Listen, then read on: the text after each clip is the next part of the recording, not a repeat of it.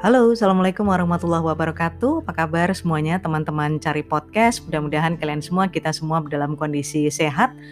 Dan Alhamdulillah kita sudah berada di sepertiga Ramadan.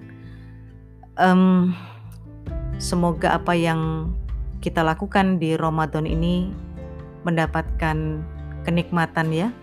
Semua ibadah kita terasa nikmat, waktu yang kita jalani walaupun haus dan lapar itu terasa nikmat dan akhirnya kita akan memperoleh kemenangan. Amin ya robbal alamin.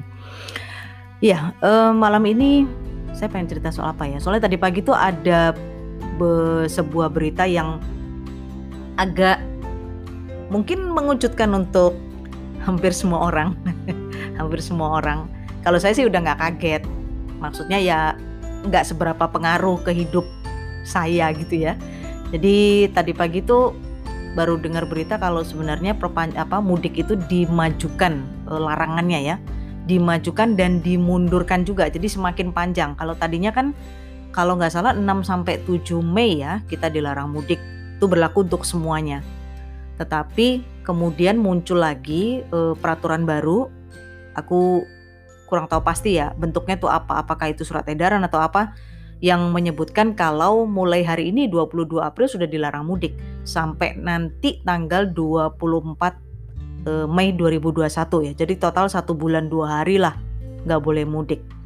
Cuma yang agak mengkhawatirkan kalau menurutku sih eh, bukan tanggal 22 April sampai tanggal 24 Mei-nya. Ini kalau aku lihat kalender, tanggal 26 Mei itu adalah hari kecepit dan tanggal merah aku khawatirnya gitu ya khawatirnya. Tapi mudah-mudahan enggak sih. Uh, teman-teman Indonesia udah nggak boleh udah nggak boleh mudik dilarang mudik ya sampai tanggal 24 eh tanggal 26-nya sama 2728 akhirnya ngambil cuti dua hari gitu kan. Ya mudah-mudahan nggak ada lonjakan kasus di tanggal itu ya. Mudah-mudahan udah deh selesai deh nih covid nih. Ampun deh. Aku sendiri tuh udah dua tahun loh termasuk ini nggak nggak mudik gitu loh. Udah bener-bener di rumah gitu ya di rumah uh, dan full WFH juga karena kondisiku yang komorbid gitu. Hmm, sebenarnya peraturan mau dimajuin kayak mau dipanjangin mau dipendekin sebenarnya nggak terlalu pengaruh sih sama hidupku karena walaupun ini nggak dilarang pun sepertinya aku belum belum memberanikan diri untuk mudik ya karena kalau lihat kasusnya kok masih banyak juga gitu angkanya masih tinggi dan aku khawatir juga ketika kita ngunjungin orang tua malah kitanya yang bawa sesuatu deh untuk mereka gitu. Padahal kalau dipikir-pikir ya um, mudik itu emang tradisi yang udah sangat Indonesia banget ya. Rasanya lebaran kalau nggak mudik tuh kayak ada yang aduh kurang banget gitu itu bukan lebaran. Lebaran tuh identiknya di Indonesia itu ya.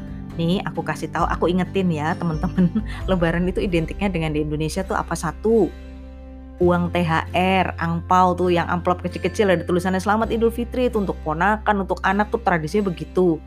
Kemudian tradisi apa lagi ya? Oh ya, opor ayam, ketupat itu eh, pasti ada tuh kalau di Indonesia, ketupat dan lain-lain. Makanya eh, kadang kalau ada teman-teman dari luar Indonesia pas lebaran di Indonesia tuh mereka begitu menikmati tuh hidangan lebaran.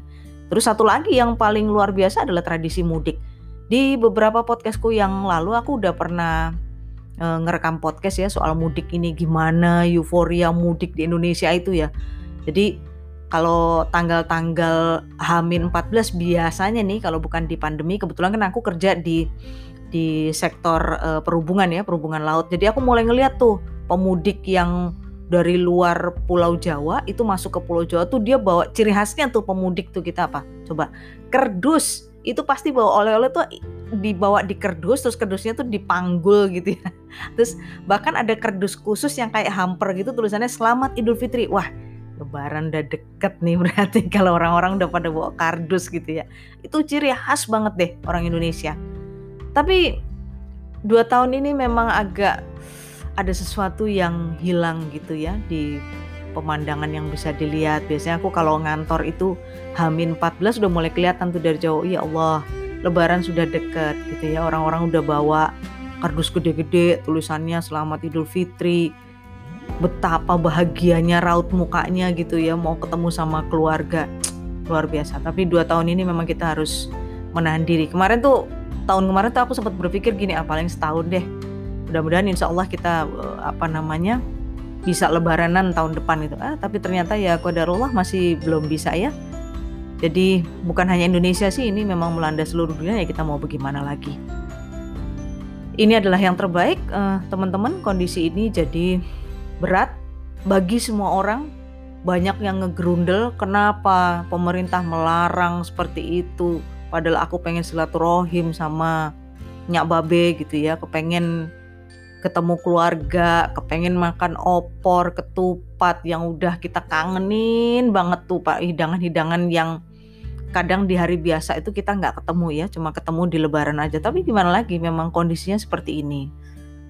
Kalau ngelihat berita, ngelihat angka, aku udah males jujur, udah aku angka di atas 100 ribu tuh nggak pernah lihat lagi kok teman-teman. Udah aku anggap sudah, ya lah pasti naiknya gitu loh. Jadi ya ya udahlah mau gimana lagi? Yang memang kondisinya seperti itu ya. Jadi masih belum bisa kita masih belum bisa untuk bilang e, ini berakhir. Belum. Hmm, banyak sih meme di internet gitu yang ada yang berupa gambar yang video yang memvisualisasikan bagaimana supaya kita bisa tetap mudik. Ada yang tadi aku lihat tuh infografis gitu ya kayak infografis gitu meme gitu. Jadi sorry ya polisinya posisi di atas tanah yang pemudik ini kayak kayak masuk ke tanah gitu. Dia kayak apa ya menggali tanah supaya bisa mudik gitu pindah provinsi ya. Macam-macam lah meme-nya lucu-lucu. Tapi ya itu mungkin sedikit memberikan hiburan ya untuk kita. Kita nggak bisa mudik ya udahlah kita bikin meme aja deh. Supaya kita bahagia tetap merasakan nuansa mudik walaupun lewat meme. Um, berat sekali ya teman-teman ya. Jadi memang tapi ya ya begitulah. Ini memang harus kita patuhi ya aturan ini. Jangankan mudik. Ini uh, sholat tarawih di masjid walaupun uh, officially pemerintah sudah mem membolehkan kita untuk sholat tarawih juga aku masih belum berani ya karena ya banyak hal lah. Dan menurutku kalau sesuatu yang meragukan seperti seperti itu ya aku masih ada kekhawatiran gitu untuk uh, datang ke tempat umum yang kita rame-rame gitu. Lebih baik eh, nggak uh, usah dilakukan. Karena toh sholat tarawih juga bisa dilakukan di, di rumah ya dan itu nggak perlu kita perdebatkan lagi lah. Udah nggak usah. Perlu kita ributkan yang penting adalah uh, sholat. Yang penting sholat dan niatnya. Kepengen betul memang uh, karena saya sudah dua tahun ini juga nggak ya Allah nggak mengunjungi masjid. Rasanya eh, sedih banget gitu ya uh, Ramadan yang sangat aku rindukan gitu ya. Jadi kalau setiap Ramadan tuh aku mikirnya oh aku akan ketemu masjid gitu ya. Jadi sorry sorry aku agak baper. Apa namanya? Ya Allah Ramadan uh, aku akan ketemu Ramadan gitu. Jadi alhamdulillah Allah masih memberikan uh, kita semua umur panjang ketemu di Ramadan tapi Ramadan dua tahun ini adalah Ramadan yang berbeda beda sekali ya. Bukan masalah lebaran ya kalau aku sih mudik itu kita bisa aja kok pulang kampung itu sebenarnya nggak pas di waktu lebaran juga bisa tapi memang karena tradisi mudik di Indonesia tuh seperti itu. Jadi kadang-kadang ada hal yang beda ya ketika kita ke orang tua pulang ke kampung halaman itu di hari lebaran beda. Dengan hari-hari biasa tuh kayak liburan biasa bukan mudik itu istilahnya. Tapi yang paling berat adalah Ramadan ya.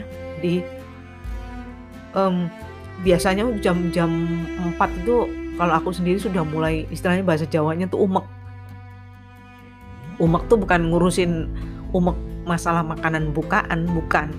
Tapi uh, harus segera menyegerakan apa uh, urusan domestik, urusan rumah itu harus selesai jam 4 karena mau persiapan mau ke masjid. Sorry ya mungkin kesannya ini pamer uh, ibadah di masjid tapi bukan itu. Intinya adalah aku merindukan ibadah di masjid itu gitu tapi ya aduh memang sholat sholat terawih juga eh, nggak harus dilakukan di masjid ya. Uh, beda sekali memang rasanya beda sekali.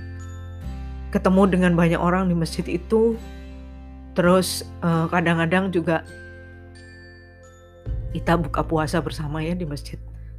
Di masjid terus nunggu waktu untuk isya teraweh uh, beda tetap Ramadan ini adalah Ramadan yang berbeda. mudah-mudahan Allah segera menyegerakan kesudahan pandemi ini ya supaya kita bisa melakukan semuanya kembali normal ya. Aku sendiri belum berani mudik karena kemarin tanggal 15 April aku baru dapat vaksin pertama. Dan kita semua tahu bahwa uh, kondisi belum atau sudah divaksin itu adalah kondisi tetap kita harus jaga protokol kesehatannya tetap apa namanya tetap uh, harus waspada ya terhadap virus ini bahkan harus ekstra. Karena ketika uh, vaksin itu dimasukkan ke tubuh sebenarnya kan kita lagi dilemahkan kondisi kita lagi lemah sebenarnya.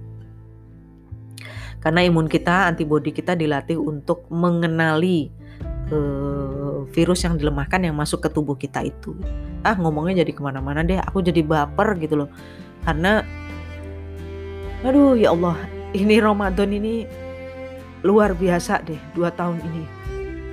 Ya jadi kayak ada ada sesuatu yang hilang gitu ya. Bukan lebaran ya kalau aku sih bukan mudiknya tapi Ramadan ini luar biasa.